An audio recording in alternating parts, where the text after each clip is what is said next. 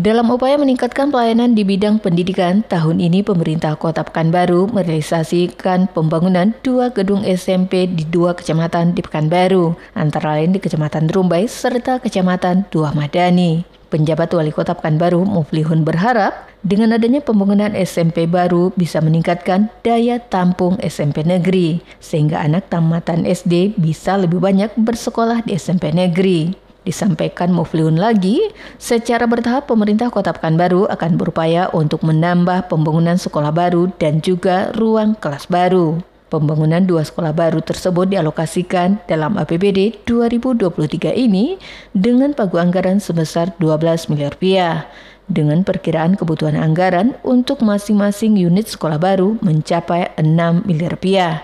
Desi Suryani, Tim Liputan Barabas, melaporkan.